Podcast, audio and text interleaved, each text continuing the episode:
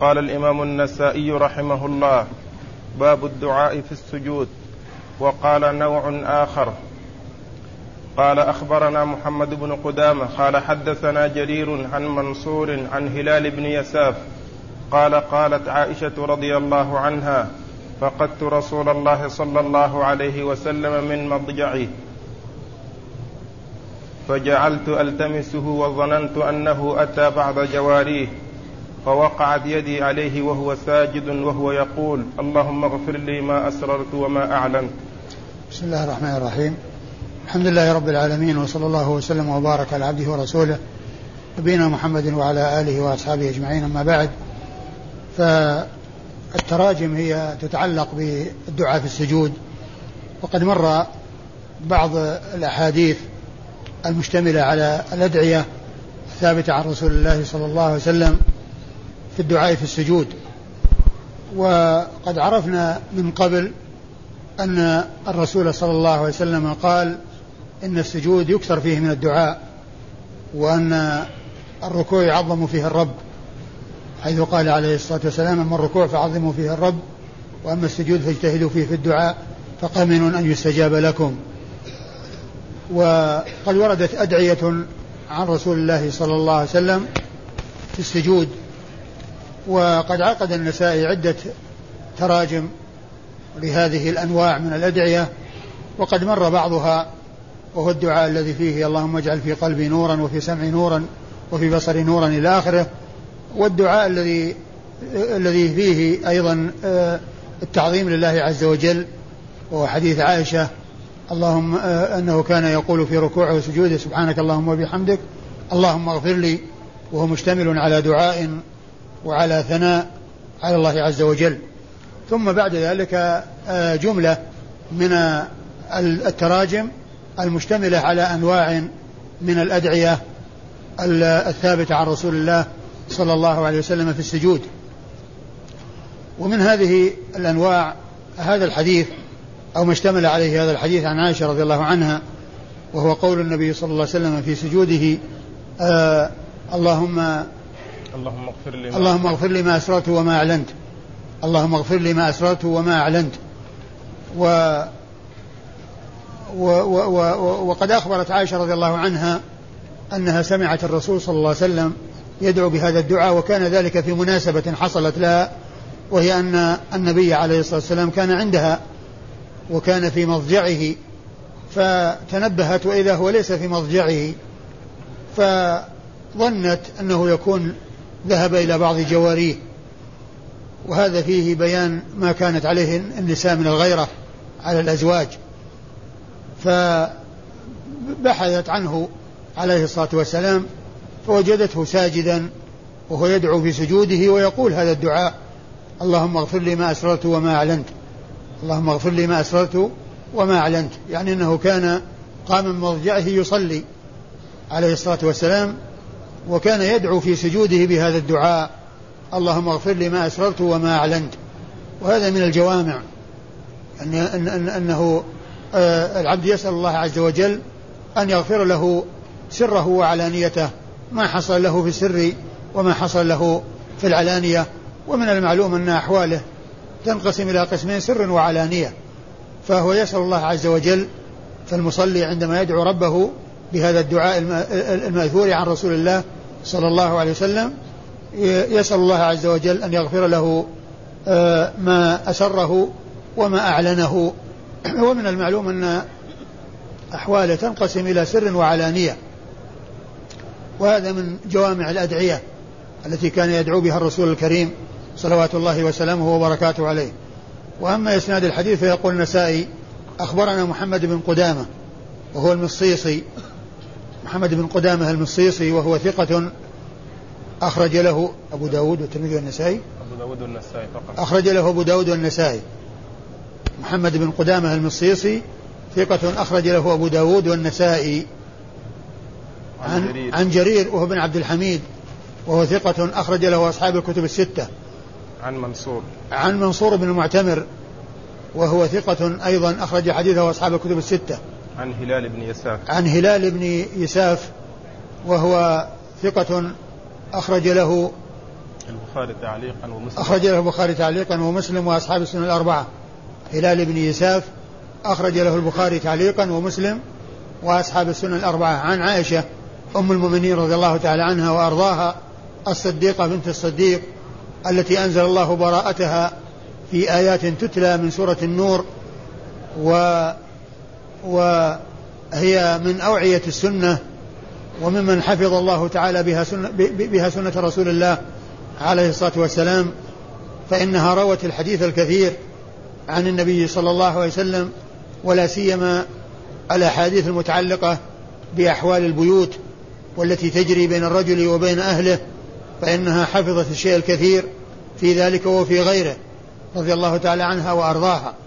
ومن المعلوم أن أصحاب رسول الله عليه الصلاة والسلام الذين حفظوا السنن وتلقوها وأدوها إلى من بعدهم أن أن من أخذ ومن عمل بتلك السنن التي جاءت عن طريق الصحابي أو عن طريق الصحابية يعني فما كان جاء عن طريق عائشة رضي الله عنها وأرضاها من السنن فإن أي عامل يعمل بتلك السنن فإنه مأجور على مأجور على عمله والذي كان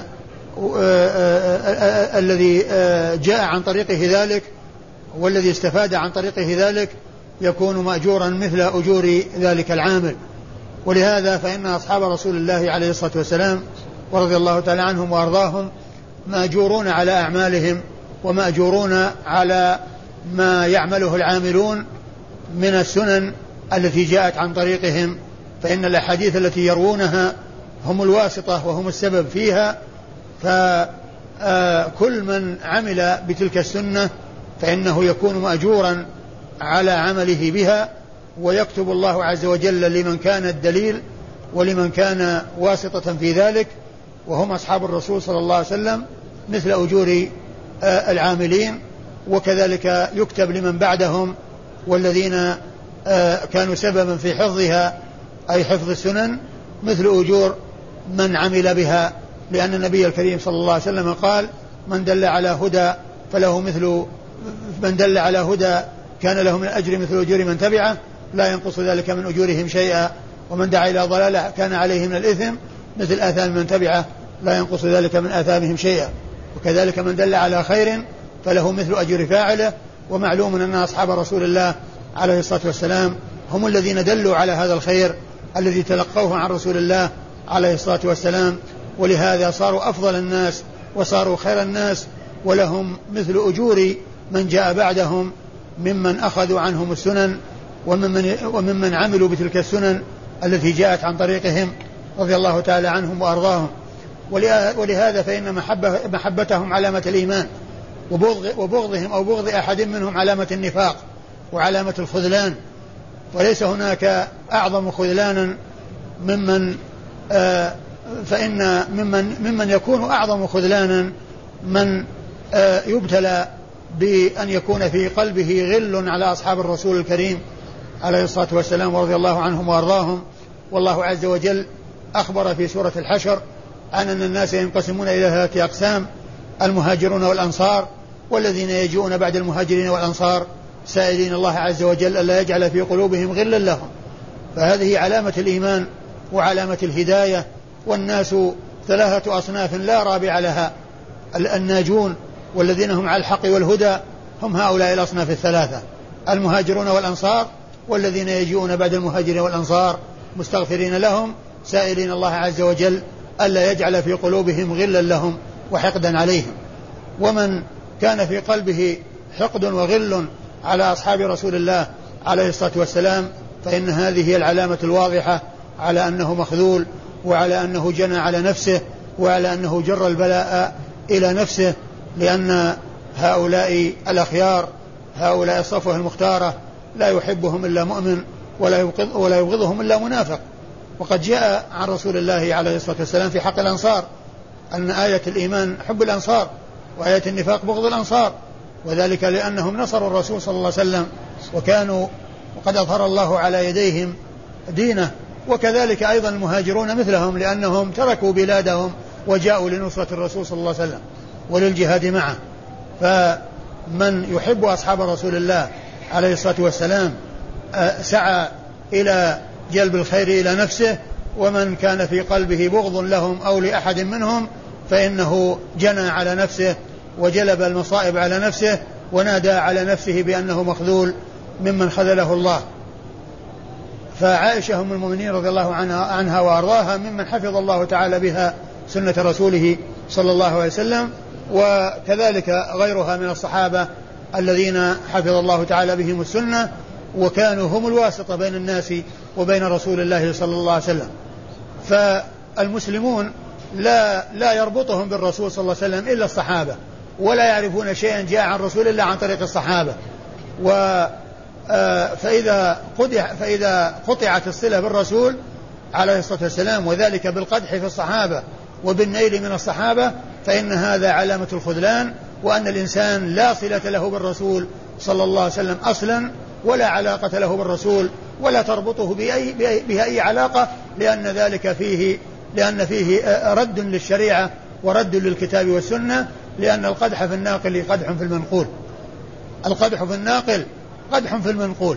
وقد قال أبو زرعة الرازي رحمة الله عليه وهو من علماء القرن الثالث الهجري ومن أئمة الجرح والتعديل ومعروف بكلامه في ذلك.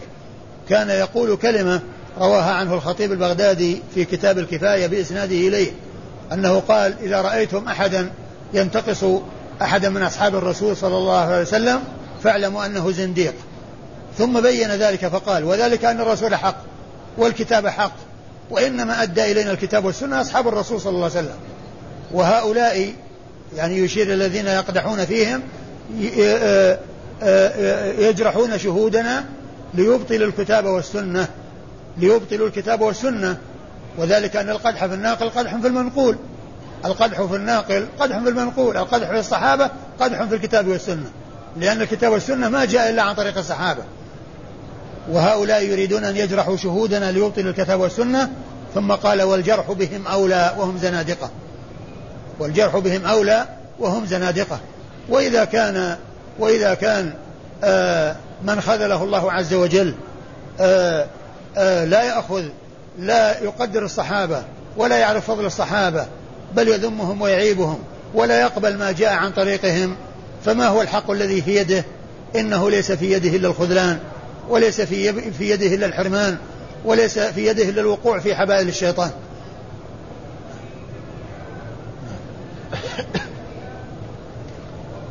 قال أخبرنا محمد بن المثنى قال حدثنا محمد قال حدثنا شعبة عن منصور عن هلال بن يساف عن عائشة رضي الله عنها أنها قالت فقدت رسول الله صلى الله عليه وسلم فظننت أنه أتى بعض جواريه فطلبته فإذا هو ساجد يقول رب اغفر لي ما أسررت وما أعلنت. ثم ذكر الحديث من طريق آخر وهو مثل الذي قبله إلا أنه بلفظ ربي اغفر لي ما أسررت وما أعلنت. بدل اللهم اغفر لي. بدل اللهم اغفر لي ما أسررت وما أعلنت قال رب اغفر لي ما أسررت وما أعلنت. فهو آآ آه، آآ آه، ربي يعني يا ربي واللهم يعني يا الله. لأن اللهم معناها يا الله. يعني آه، حذفت ياء النداء وعوض عنها ميم في الآخر. اللهم فهي يا الله. يا اللهم بمعنى يا الله. وحذفت ياء النداء وعوض عنها وعوض عنها ميم في الآخر. عوض عنها ميم في الآخر. وهي بمعنى يا ربي. والروايتان جاءت آه، آه، بلفظ واحد إلا في هذا اللفظ. ولا فرق بين اللفظين. لأن اللهم هي بمعنى يا ربي. أو بمعنى ربي. وأما إسناد الحديث فيرويه محمد بن مثنى شيخ النسائي وهو أبو موسى الملقب الزمن كنيته أبو موسى آه وهو العنزي الملقب الزمن وهو ثقة آه أخرج له أصحاب الكتب الستة بل هو شيخ لأصحاب الكتب الستة. روى عنه مباشرة وبدون واسطة. وهو من شيوخ البخاري وهو من صغار شيوخ البخاري إذ كانت وفاته قبل البخاري بأربع سنوات. إذن البخاري توفي سنة ست وخمسين ومائتين ومحمد المثنى توفي سنة اثنتين وخمسين ومائتين. وقد ذكرت فيما مضى أن هناك شيخين للبخاري آه، هما مثل محمد بن المثنى في كونهم من صغار الشيوخ وكونهم ماتوا في سنة واحدة. وهما محمد بن بشار بن دار ويعقوب بن إبراهيم الدورقي. فإن هؤلاء الثلاثة محمد المثنى الذي معنا ومحمد بن بشار بن دار ويعقوب بن إبراهيم الدورقي هؤلاء الثلاثة أخرج عن روى لهم أصحاب الكتب الستة مباشرة وبدون واسطة وهم من صغار شيوخ البخاري وقد ماتوا في سنة واحدة وهي سنة 52 و200 آه عن محمد ومحمد غير منسوب والمراد به محمد بن جعفر الملقب غندر. إذا جاء محمد بن بشار ومحمد بن مثنى يرويان عن محمد غير منسوب فالمراد به شعبة آه بن جعفر اللي هو غندر. وكذلك إذا جاء يروي عن شعبة غير منسوب محمد يروي عن شعبة غير منسوب فالمراد به محمد بن جعفر غندر. فمحمد هذا غير منسوب وهو بن جعفر الملقب غندر وهو ثقة أخرج حديثه وأصحاب الكتب الستة. عن شعبة وهو ابن الحجاج الواسطي ثم البصري وهو ثقة ثبت وصف بأنه أمير المؤمنين في الحديث وهي من أعلى صيغ التعديل وأرفعها وحديثه عند أصحاب الكتب الستة. وما بعد شعبة هم مر ذكرهم في الإسناد الذي قبل هذا. منصور آه ابن المعتمر وهلال ابن يساف ابن يساف وعائشة. قال نوع آخر وقال أخبرنا عمرو بن علي قال أخبرنا عبد الرحمن هو ابن مهدي قال حدثنا عبد العزيز بن أبي سلمة قال حدثني عمي الماجشون بن أبي سلمة عن عبد الرحمن الأعرج عن عبيد الله بن أبي رافع عن علي رضي الله عنه أن رسول الله صلى الله عليه وسلم كان إذا سجد يقول اللهم لك سجدت ولك أسلمت وبك آمنت سجد وجهي للذي خلقه وصوره فأحسن صورته وشق سمعه وبصره. تبارك الله أحسن الخالقين. ثم أورد النسائي نوعا آخر من الدعاء في السجود وهو عن, عن علي بن أبي طالب رضي الله تعالى عنه أنه قال أنه سمع رسول الله صلى الله عليه وسلم وهو في سجوده يقول اللهم لك سجدت وبك آمنت وعليك توكلت سجد وجهي لله الذي خلقه وصوره فأحسن صورته وشق سمعه وبصره فتبارك الله أحسن الخالقين.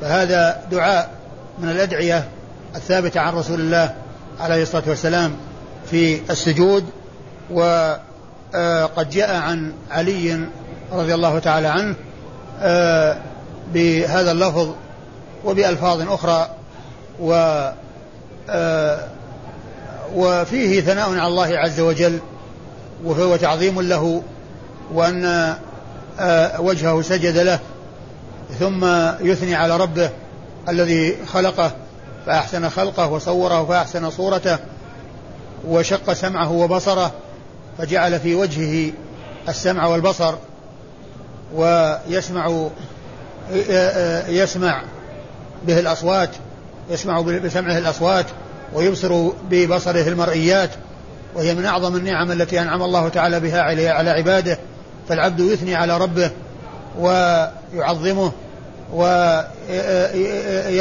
آلاءه عليه ونعمه عليه وأن ما وأنه ما من نعمة إلا وهي منه سبحانه وتعالى. ثم بعدما ذكر هذه هذه الهيئة التي خلقه الله تعالى عليها وهي أنه خلق فأحسن وصوره فأحسن صورته وشق سمعه وبصره. قال فتبارك الله أحسن الخالقين. فتبارك الله أحسن الخالقين. والمراد بالخالق هنا بمعنى المقدر. خالقين بمعنى المقدرين. تبارك الله أحسن الخالقين المقدرين لأن خالق يأتي بمعنى الموجد من العدم وهذا لا يوصف به إلا الله عز وجل. فهو الذي يوجد الشيء من العدم ويأتي بمعنى التقدير. وهذا يضاف إلى الله عز وجل ويضاف إلى غيره. ولكن ما يضاف إلى الله عز وجل من التقدير يناسبه ويليق بكماله وجلاله. وما يضاف إلى العباد يليق بنقصهم وافتقارهم. ولهذا جاء فتبارك الله أحسن الخالقين. والمراد بذلك المقدرين. لأن الله تعالى يقدر وغيره يقدر ولكن تقدير الله عز وجل يليق بكماله وجلاله. وتقدير المخلوقين يليق بضعفهم وافتقارهم. فكل تقديره يناسبه ولكن ليس أحد يقدر كتقدير الله بل الله عز وجل آه، يعلم الشيء كيف يكون ثم يوجده على الوجه الذي كان عليه. وأما الناس فقد يقدر الإنسان ولكنه لا يقدر على أن ينفذ الشيء الذي قدره. و وعلى هذا فإن الخلق يضاف يضاف يفسر بمعنى الإيجاد من العدم وهذا لا يضاف إلا إلى الله عز وجل ويفسر بمعنى التقدير وهذا هو الذي آه، يضاف إلى الله عز وجل ويضاف إلى غيره مع الفرق بين ما يضاف إلى الله عز وجل وما يضاف إلى المخلوقين. وقوله فتبارك الله أحسن الخالقين هو من هذا القبيل الذي هو من قبيل التقدير وأن الله تعالى يقدر وغيره يقدر. ولكن ليس ليس تقدير غيره يشبه تقديره بل تقديره وفعله هو الذي في غاية الكمال وأما غيره فهو يليق بضعفه وافتقاره. وقد ذكر هذا ابن القيم رحمه الله في كتابه شفاء العليل بين أن هذا المعنى أو أن هذا أن هذه الآية آه، الذي يناسب في تفسيرها ما دام أنه قيل ذكر فيها آه، آه، من هو خالق مع الله خالق مع الله الذي هو أنه بمعنى التقدير. تبارك الله أحسن الخالقين الله تعالى يخلق وغيره يخلق معنى يقدر. لكن لا أحد يوجد من العدم بل هو وحده الذي يوجد من العدم. ولهذا يأتي في في الكلام العرب ذكر الخلق مضافا إلى العباد ويراد به التقدير. ومن ذلك قول الشاعر يمدح ممدوحه ولأنت تفري ما خلقت وبعض القوم يخلق ثم لا يفري. ولأنت تفري ما خلقت وبعض الخلق وبعض القوم يخلق ثم لا يفري. يعني أنت تقدر وترسم لنفسك خطة ثم تنفذ. يعني تقول وتفعل. لست ممن يقول ثم لا يتمكن من الفعل. بل أنت ترسم الخطة وترسم الشيء الذي تريده وتنفذ ما أردت وما وما ما قدرت ولا أنت ولا أنت تفري ما خلقت. وأصل الفري هو أن أن الحذاء عندما يريد أن أن يعمل النعال يكون عنده الجلد فيعمل بالقلم يعني رسمة لمقدار الرجل يعني على هيئة الرجل في الجلد. ثم يأتي بالمقص ويقص على مكان التقدير. فإذا كان حاذقا في القص يعني يأتي به بسرعة على نفس الرسم. وإذا كان يعني ليس بحاذق يعني يعني يميل ويشمال ويكون معروج. ما يعني يكون مستقيم. فهذا هو معنى قوله أنت تفري ما خلقت. يعني تقدر ثم تشق. يعني طبقا لتقديرك وطبقا لما رسمته لنفسك. ولا أنت تفري ما خلقت وبعض القوم يخلق ثم لا يفري. ومنه قول الحجاج في خطبة في العراق. أنني لا أقول إلا أمضيت ولا أخلق إلا فريت. ولا أخلق إلا فريت. يعني ما أقدر إلا أنفذ. معناه لست من الناس اللي يتكلمون ثم تخالف أفعالهم أقوالهم. أقول القول ثم لا أنفذه. أنا أقول القول وأنفذه. أنا لا أقول إلا أمضيت ولا أخلق إلا فريت. يعني ما أقدر إلا وفريت وفقا لتقديري. فهذا هو معنى الخلق في آه هذه الآية. الذي آه يناسب يناسبه ذكر الخالقين. وأما الخلق بمعنى الإيجاد من العدم فهذا مما اختص به الله سبحانه وتعالى مما اختص به الله سبحانه وتعالى. ولهذا من الأسماء التي لا يصلح أن يسمى بها غير الله الخالق. الرحمن والخالق والصمد. هذه من الأسماء التي لا تضاف إلا إليه سبحانه وتعالى ولا تطلق إلا عليه. لا يطلق على غيره يعني هذا الإطلاق الصمد أو الخالق أو الرحمن وإنما هذه من الأسماء التي يختص بها. وقد ذكر هذا ابن كثير رحمه الله في أول تفسيره لسورة الفاتحة في تفسير تفسيره القرآن تفسير القرآن العظيم عند تفسير سورة الفاتحة وذكر الرحمن الرحيم. إما في البسملة وإما في الرحمن الرحيم. ذكر يعني أن الرحمن من الأسماء من, الأسماء التي لا تضاف إلى الله إلا إلى الله عز وجل. بخلاف الرحيم فإنه يضاف إلى فإنه يطلق على غير الله. وقد جاء في القرآن وصف الرسول أنه رحيم. آه، آه، عزيز عليه ما عنتم حريص عليكم بالمؤمنين رؤوف رحيم. فهذا وصف هذا وصف الله تعالى به رسوله عليه الصلاة والسلام بأنه رؤوف رحيم. لكن رحمن ما تطلق إلا على الله وخالق ما تطلق إلا على الله واصطمد ما تطلق إلا على الله. وقد ذكر هذا ابن كثير رحمه الله كما قلت في أول تفسيره للقرآن الكريم عند تفسير سورة الفاتحة. ولهذا لما آه، تطاول مسيلمة الكذاب وقيل وقال عن عن نفسه إنه رحمن اليمامة وأطلق عليه ذلك ظفر بهذا اللقب الذي يلازم اسمه فصار يقال له الكذاب بحيث لا يذكر اسمه إلا ومقرونا بكلمة الكذاب. لا يذكر اسمه مق... يذكر اسمه إلا ويقرن به كلمة الكذاب. وأما إسناد الحديث فيقول النسائي أخبرنا عمرو بن علي. أخبرنا عمرو بن علي هو الفلاس المحدث الناقد حديثه عند أصحاب الكتب الستة. ثقة آه ثبت أخرج حديثه أصحاب الكتب الستة وهو من النقاد وكثيرا ما يأتي ذكره عند تراجم الرجال يقال قال فيه الفلاس كذا قال فيه الفلاس ويقال عمرو بن علي وهو الفلاس. والنسائي كثيرا ما يذكره بهذا اللفظ عمرو بن علي. والمراد به الفلاس قال أخبرنا عبد الرحمن هو. قال أخبرنا عبد الرحمن هو بن مهدي. عبد الرحمن بن مهدي البصري ثقة آه ثبت آه ممن آه كلامه في الرجال كثير وهو محدث ناقد و آه، آه، عمرو بن علي قال حدثنا عبد الرحمن ولم يقل ابن مهدي. لكن من دون من دون عمرو بن علي أي النسائي أو من دون النسائي هو الذي قال هو ابن مهدي. أراد أن يوضح من هو عبد الرحمن. لأن عمرو بن علي لا يحتاج يقول هو وإنما يقول عمرو عبد الرحمن بن مهدي رأسا. ينسبه كما يريد. لأن التلميذ ينسب شيخه كما يريد لكن من دون التلميذ هو الذي يحتاج إلى أن يضيف هذه الإضافة حتى يعلم أنها ليست من التلميذ وإنما هي ممن دون التلميذ. وعبد الرحمن بن مهدي حديثه عند أصحاب الكتب الستة. عن عن عبد العزيز بن عن عبد العزيز بن أبي سلمة الماجشون وعبد العزيز بن عبد الله بن أبي سلمة الماجشون وهو ثقة آه وهو ثقة فقيه أخرج حديثه أصحاب الكتب الستة. يروي عن عمه الماجشون بن أبي سلمة وهو يعقوب ولقبه الماجشون. واسمه يعقوب بن أبي سلمة وهو صدوق أخرج له مسلم وأبو داود والترمذي والنسائي. مسلم وأبو داود والترمذي والنسائي. عن عبد الرحمن الأعرج. عن عبد الرحمن الأعرج هو عبد الرحمن بن هرمز الملقب الأعرج ذكر باسمه ولقبه ومشهور باللقب ومشهور بالاسم. يأتي ذكره عبد الرحمن بن هرمز ويأتي ذكره الأعرج ويجمع بين الاسم واللقب فيقال عبد الرحمن الأعرج. وهو المدني وهو ثقة حديثه عند أصحاب الكتب الستة. عن عبيد الله بن أبي رافع. عن عبيد الله بن أبي رافع. عبيد الله ابن أبي رافع أبوه أبو رافع مولى رسول الله عليه الصلاة والسلام.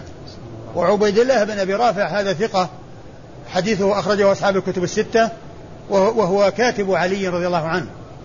كان كاتبا لعلي رضي الله عنه وهو هنا يروي عن علي. وكان كاتب علي. يعني معناه أن الارتباط بينه وبينه حاصل وموجود من جهة أنه ملازم له لأنه كان كاتبا له. وعلي بن أبي طالب رضي الله عنه هو ابن عبد المطلب الهاشمي ابن عم رسول الله صلوات الله وسلامه وبركاته عليه وصهره على ابنته فاطمة رضي الله تعالى عنها وهو أبو الحسنين الحسن والحسين رضي الله تعالى عنهما وأرضاهما وهو رابع الخلفاء الراشدين الهادين المهديين وهو أفضل الصحابة بعد أبي بكر وعمر وعثمان رضي الله تعالى عن الجميع ومناقبه جمة وفضائله كثيرة رضي الله تعالى عنه وأرضاه. وحديثه عند أصحاب الكتب الستة. قال نوع آخر. وقال أخبرنا يحيى بن عثمان قال أخبرنا أبو حيوة قال حدثنا شعيب بن أبي حمزة عن محمد بن المنكدر عن جابر بن عبد الله رضي الله عنهما عن النبي صلى الله عليه وسلم أنه كان يقول في سجوده اللهم لك سجدت وبك آمنت ولك أسلمت وأنت ربي سجد وجهي للذي خلقه وصوره وشق سمعه وبصره تبارك الله أحسن الخالقين. ثم أورد النسائي حديث آه، حديث جابر بن عبد الله الأنصاري رضي الله عنه وهو قريب من لفظ حديث آه، علي بن أبي طالب رضي الله عنه المتقدم. آه، وإسناد الحديث يقول النسائي أخبرنا يحيى بن عثمان. أخبرنا يحيى بن عثمان وهو يحيى بن عثمان بن سعيد بن كثير بن دينار الحمصي وهو صدوق أخرج له أبو أبو داود, والنسائي وابن ماجه. أبو داود والنسائي وابن ماجه. أخرج له أبو داود والنسائي وابن ماجه. قال أخبرنا أبو حيوة. أخبرنا أبو حيوة وهو شريح بن يزيد الحمصي. شريح بن يزيد الحمصي. وقد وثقه ابن حبان وأخرج له أبو داود والنسائي. قال حدثنا شعيب بن أبي حمزة. حدثنا شعيب بن أبي حمزة الحمصي أيضا وهو ثقة أخرج له أصحاب الكتب الستة. عن محمد بن المنكدر عن محمد بن المنكدر المدني وهو ثقة فاضل أخرج حديثه وأصحاب الكتب الستة. عن جابر. عن جابر بن عبد الله الأنصاري صحابي ابن صحابي أبوه استشهد يوم أحد وهو عبد الله بن حرام وهو الذي جاء عنه أن, أن, أن, أن النبي صلى الله عليه وسلم قال لجابر إن الله لم يكلم أحدا إلا من وراء حجاب وإنه كلم أباك كفاحا. وجابر بن عبد الله أحد السبعة المعروفين بكثرة الحديث عن رسول الله صلى الله عليه وسلم و وهم آه، أبو هريرة وابن عمر وابن عباس وأنس وأبو سعيد الخدري وجابر وعائشة هم المؤمنين. وقد قال فيهم السيوطي في الألفية والمكثرون في رواية الأثر أبو هريرة يليه بن عمر وأنس والبحر كالخدري وجابر وزوجة النبي. قال نوع آخر. وقال أخبرنا يحيى بن عثمان قال أخبرنا ابن حمير قال حدثنا شعيب بن أبي حمزة عن محمد بن المنكدر وذكر آخر قبله عن عبد الرحمن بن هرمز الأعرج عن محمد بن مسلمة رضي الله عنه أنه قال إن رسول الله صلى الله عليه وسلم كان إذا قام من الليل يصلي تطوعا قال إذا سجد. اللهم لك سجدت وبك آمنت ولك أسلمت. اللهم أنت ربي. سجد وجهي للذي خلقه وصوره وشق سمعه وبصره. تبارك الله أحسن الخالقين. ثم ورد النسائي حديث محمد بن مسلمة وهو مثل أو قريب من آه، حديث حديث علي وجابر المتقدمين. وإسناد الحديث يقول أخبرنا يحيى بن عثمان. أخبرنا يحيى بن عثمان وهو الذي مر ذكره في الإسناد الذي قبل هذا. أخبرنا ابن حمير. أخبرنا ابن حمير وهو محمد بن حمير الحمصي. محمد بن حمير الحمصي وهو الحمصي وهو صدوق أخرج له البخاري وأبو داود في المراسيل والنسائي. وابن ماجه. ابن ماجه فيه؟ إيه. هذا الذي ذكرته لك في, في تهذيب الكمال؟ إيه, إيه وابن ماجه. البخاري وأبو داود في المراسيل والنسائي وابن ماجه. عن شعيب بن حمزة إلى آخره. عن شعيب وقد مر ذكره شعيب عن عن محمد بن المنكدر أيوه عن وذكر آخر قبله. أيوه. قال عن عبد الرحمن بن هرمز الأعرج عن محمد بن مسلمة أيوه محمد بن مسلمة الصحابي هو الأنصاري وهو صحابي مشهور وحديثه عند أصحاب الكتب الستة ويقال هو أكبر من يسمى محمدا من أصحاب رسول الله صلى الله عليه وسلم ورضي الله عنه وعنهم وأرضاهم. يعني أكبر من يسمى محمد من الصحابة محمد بن مسلمة الأنصاري. هذا. قوله وذكر آخر قبله. قوله وذكر آخر قبله يعني قبل محمد بن المنكدر ذكر شعيب. أي يعني شعيب ابن أبي حمزة روى عن شخصين.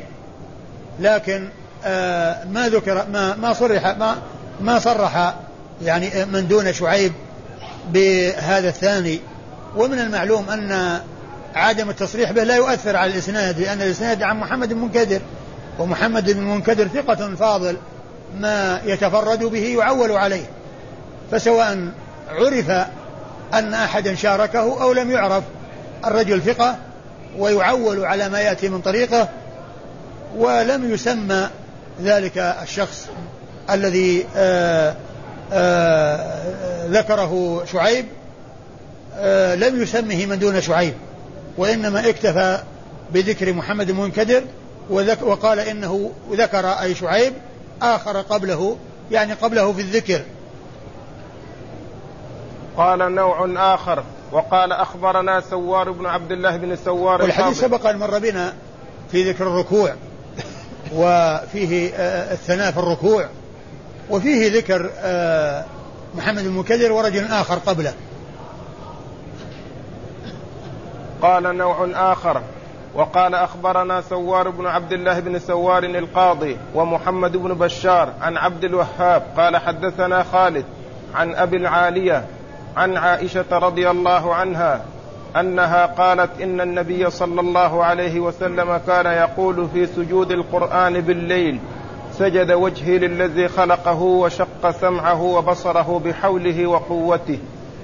ثم أورد النسائي حديث حديث آخر يتعلق بدعاء بندعية السجود وهو قول عائشة رضي الله تعالى عنها أن النبي صلى الله عليه وسلم كان يقول في سجود القرآن وسجود القرآن يحتمل أن يكون سجود تلاوة أو يكون يعني سجود صلاة الليل التي يقرأ فيها القرآن ويطال فيها تطال فيها القراءة ويمر المصلي آه، بالسور التي فيها السجدة فيسجد ف يمكن أن يكون يراد به سجود القرآن له سجود التلاوة يمكن أن يراد به غيره. ومن المعلوم أنه في سجود التلاوة يقال ما يقال في سجود الصلاة يقال ما يقال في سجود الصلاة.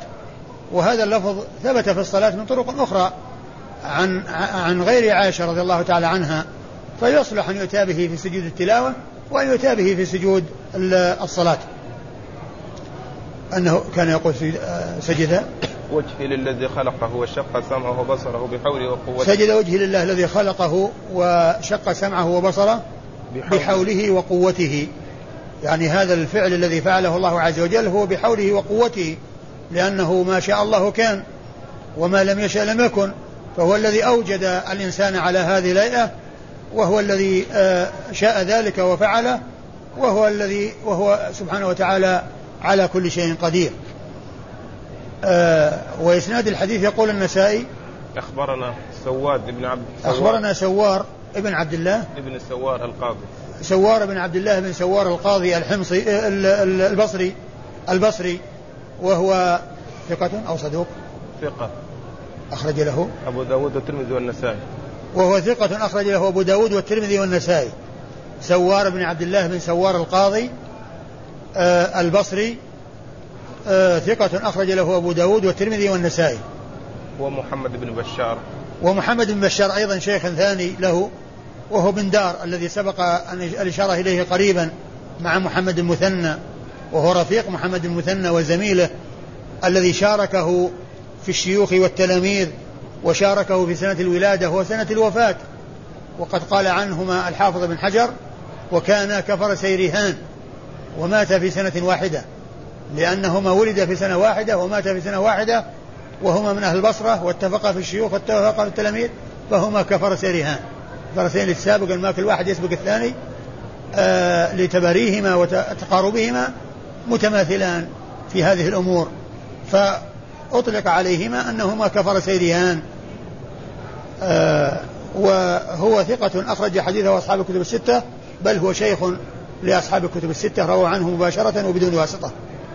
عن عبد الوهاب. عن عبد الوهاب وهو بن عبد المجيد. عبد الوهاب بن عبد المجيد الثقفي وهو ثقة أخرج له أصحاب الكتب الستة. عن خالد. عن خالد بن مهران البصري الحذاء وهو آه، اشتهر بلقب الحذاء وقيل السبب في ذلك أنه كان يجالس الحذائين. فنسب إليهم وهي من النسب التي إلى غير ما يسبق إلى الذهن لأن الذي يسبق إلى الذهن إذا قيل الحذاء أنه يصنع الأحذية أو يبيعها فيقال الحذاء لكن كونه بس يأتي يجلس عند الحذائين ويقال له الحذاء بس لكونه يجلس عند الحذائين هذا لا يسبق إلى الذهن لا يتبادر إلى الذهن أنه ينسب حذاء بسبب جلوسه عند الحذائين وإنما الذي يتبادر إلى الذهن أنه يبيع الأحذية أو يصنعها. إما يعملها ويصنعها أو أنه يبيعها فيقال له حذاء. أما كونه يعني بمجرد جلوسه عند الحذائين قيل له حذاء هذا ليس مما يتبادر الذهن. وقيل إنه كان يقول الحذاء احذوا على كذا احذوا على كذا يعني آه، اعمل على هذه الطريقة فقيل له الحذاء. وهو ثقة أخرج حديثه أصحاب الكتب الستة. عن أبي العالية. عن أبي العالية وهو رفيع بن مهران. رفيع بن مهران الرياحي وهو ثقة أخرج حديثه أصحاب الكتب الستة وهو مشهور بكنيته أبو العالية مشهور بكنيته أبو العالية. عن عائشة. عن عائشة وقد مر ذكرها. قال نوع آخر وقال أخبرنا إسحاق بن إبراهيم عنها أنها قالت فقدت رسول الله صلى الله عليه وسلم ذات ليلة فوجدته وهو ساجد والصدور قدميه نحو القبلة فسمعته يقول أعوذ برضاك من سخطك وأعوذ بمعافاتك من عقوبتك وأعوذ بك منك لا أحصي ثناء عليك أنت كما أثنيت على نفسك. ثم أورد النسائي نوعا آخر وهو حديث عائشة رضي الله عنها أنها فقدت رسول الله صلى الله عليه وسلم فبحثت عنه وجدته وجدته ساجدا نصب قدميه و وصدور قدميه نحو وصدور أي. وصدور قدميه نحو القبلة بمعنى أنه آه، يجعل آه، آه، أصابعه متجهة إلى القبلة. وهذا مثل ما جاء في حديث أبي حميد الساعدي أنه يستقبل ببطون أصابعه بأطراف بأصابعه القبلة أصابع قدميه. يعني بحيث يعني ينصب القدمين وتكون الأصابع متجهة إلى القبلة. فهو في حديث أبي حميد الساعدي وفي حديث عائشة هذا لأن كونها صدورها إلى القبلة يعني معناه أن الأصابع متجهة إلى القبلة. أصابعها متجهة إلى القبلة لأنه قد نصبها فلم يضعها وضعا ولم يعرضها يعني على يمينها وشمالها وإنما جعلها منصوبة. وصدورها إلى القبلة أصابعها أو أطراف الأصابع متجهة إلى القبلة. وكان يقول في سجوده آآ آآ أعوذ أعوذ اللهم إني أعوذ برضاك من سخطك وبمعافاتك من عقوبتك وبك منك لا أحصي ثناء عليك أنت كما أثريت على نفسك. وهذا الحديث سبق أن مر بنا في مواضع من سنن النسائي وذكرت أن من أحسن من تكلم عليه وشرحه ابن القيم في كتابه شفاء العليل فإنه عقد له بابا خاصا من أبواب شفاء العليل. تكلم فيه على هذا الحديث وما اشتمل عليه من الحكم والأسرار وما اشتمل عليه من الإيمان بالقضاء والقدر وما اشتمل عليه من صفات الله عز وجل و آه، الاستعاذة والاستعاذة آه، بصفاته وبأفعاله والباب الذي آه، عقده ابن القيم له من كتابه شفاء العليل هو الباب السادس والعشرون. الباب السادس والعشرون من أبواب شفاء العليل لأن شفاء العليل مشتمل على ثلاثين باب تتعلق بالقضاء والقدر. والباب السادس والعشرون شرح هذا الحديث. الباب السادس والعشرون من هذا الكتاب هو شرح لهذا الحديث. شرح مطول لهذا الحديث. والاسناد أخبرنا إسحاق بن إبراهيم. أخبرنا إسحاق بن إبراهيم هو بن مخلد ابن راهوية الحنظلي المروزي ثقة ثبت إمام مجتهد آه، محدث فقيه وصف بأنه أمير المؤمنين في الحديث وهي من أعلى صيغ التعديل وأرفعها. وحديثه أخرجه أصحاب الكتب الستة إلا من ماجه فإنه لم يخرج له شيئا. قال أخبرنا جرير. أخبرنا جرير بن عبد الحميد وقد مر ذكره قريبا. عن يحيى بن سعيد. عن يحيى بن سعيد هو الأنصاري المدني. يحيى بن سعيد الأنصاري المدني وهو من صغار التابعين. وحديثه عند أصحاب الكتب الستة. عن محمد. يروي عن محمد بن إبراهيم وهو التيمي. محمد بن إبراهيم التيمي وهو ثقة له أفراد أخرج حديثه أصحاب الكتب الستة. عن عائشة. عن عائشة أم المؤمنين رضي الله تعالى عنها وقد مر ذكرها. ويحيى بن سعيد الأنصاري ومحمد بن إبراهيم آه، جاء في إسناد أول حديث في صحيح البخاري وهو حديث إنما الأعمال بالنيات. يعني يرويه البخاري من طريق يحيى بن سعيد الأنصاري عن شيخه محمد بن إبراهيم التيمي. ومحمد بن إبراهيم التيمي يروي عن علقمة بن وقاص الليثي. وعلقمة بن وقاص الليثي يروي عن عمر بن الخطاب.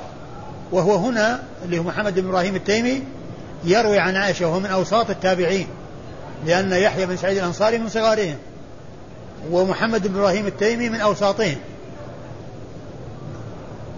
هل هناك من يسمى يحيى بن سعيد في الأسانيد؟ نعم يحيى بن سعيد يطلق على أربعة أشخاص. اثنان في طبقة واثنان في طبقة. يحيى بن سعيد القطان ويحيى بن سعيد الأموي هؤلاء في طبقة واحدة.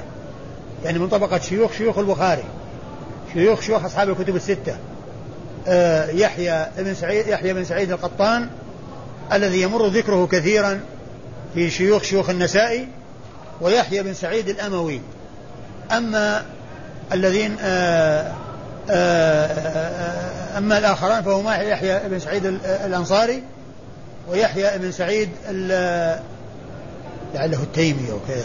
التيمي يحيى بن سعيد التيمي اللي هو قال أبو حيان. أبو حيان. وهو من طبقة آه، يحيى بن سعيد الأنصاري. التيمي نعم أبو حيان. نعم أبو حيان. نعم.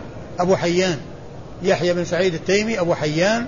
ويحيى بن سعيد الأنصاري وهما في طبقة واحدة من طبقة صغار التابعين. والأربعة من رجال أصحاب الكتب الستة. الأربعة من رجال أصحاب الكتب الستة. قال نوع آخر.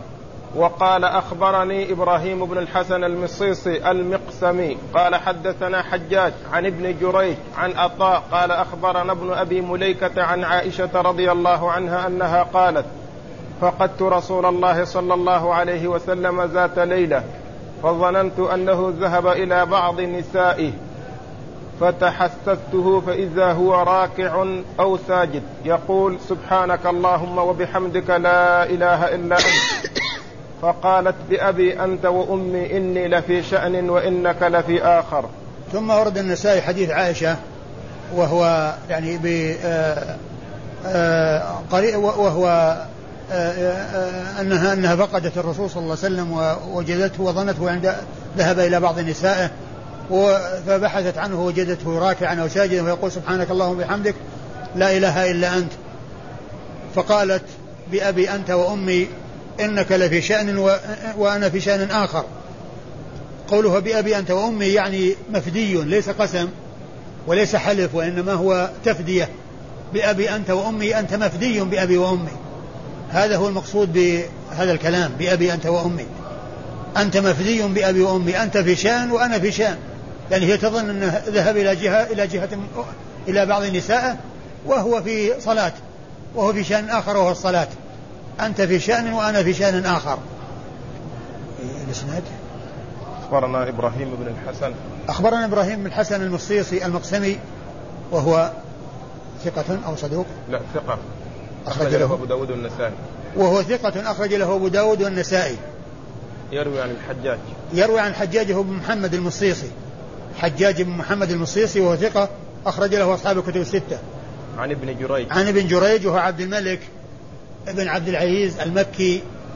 ابن جريج مشهور بابن جريج. وهو ثقة فقيه يرسل ويدلس وحديثه أخرجه أصحاب الكتب الستة. عن عطاء. عن عطاء بن أبي رباح المكي وهو ثقة أخرج حديثه أصحاب الكتب الستة. عن ابن أبي مليكة. عن ابن أبي مليكة هو وهو عبد الله بن عبيد الله. عبد الله بن عبيد الله ابن أبي مليكة وهو ثقة أخرج حديثه أصحاب الكتب الستة. عن عائشة. عن عائشة وقد مر ذكرها. والله تعالى أعلم وصلى الله وسلم وبارك على عبده ورسول نبينا محمد وعلى آله وأصحابه أجمعين.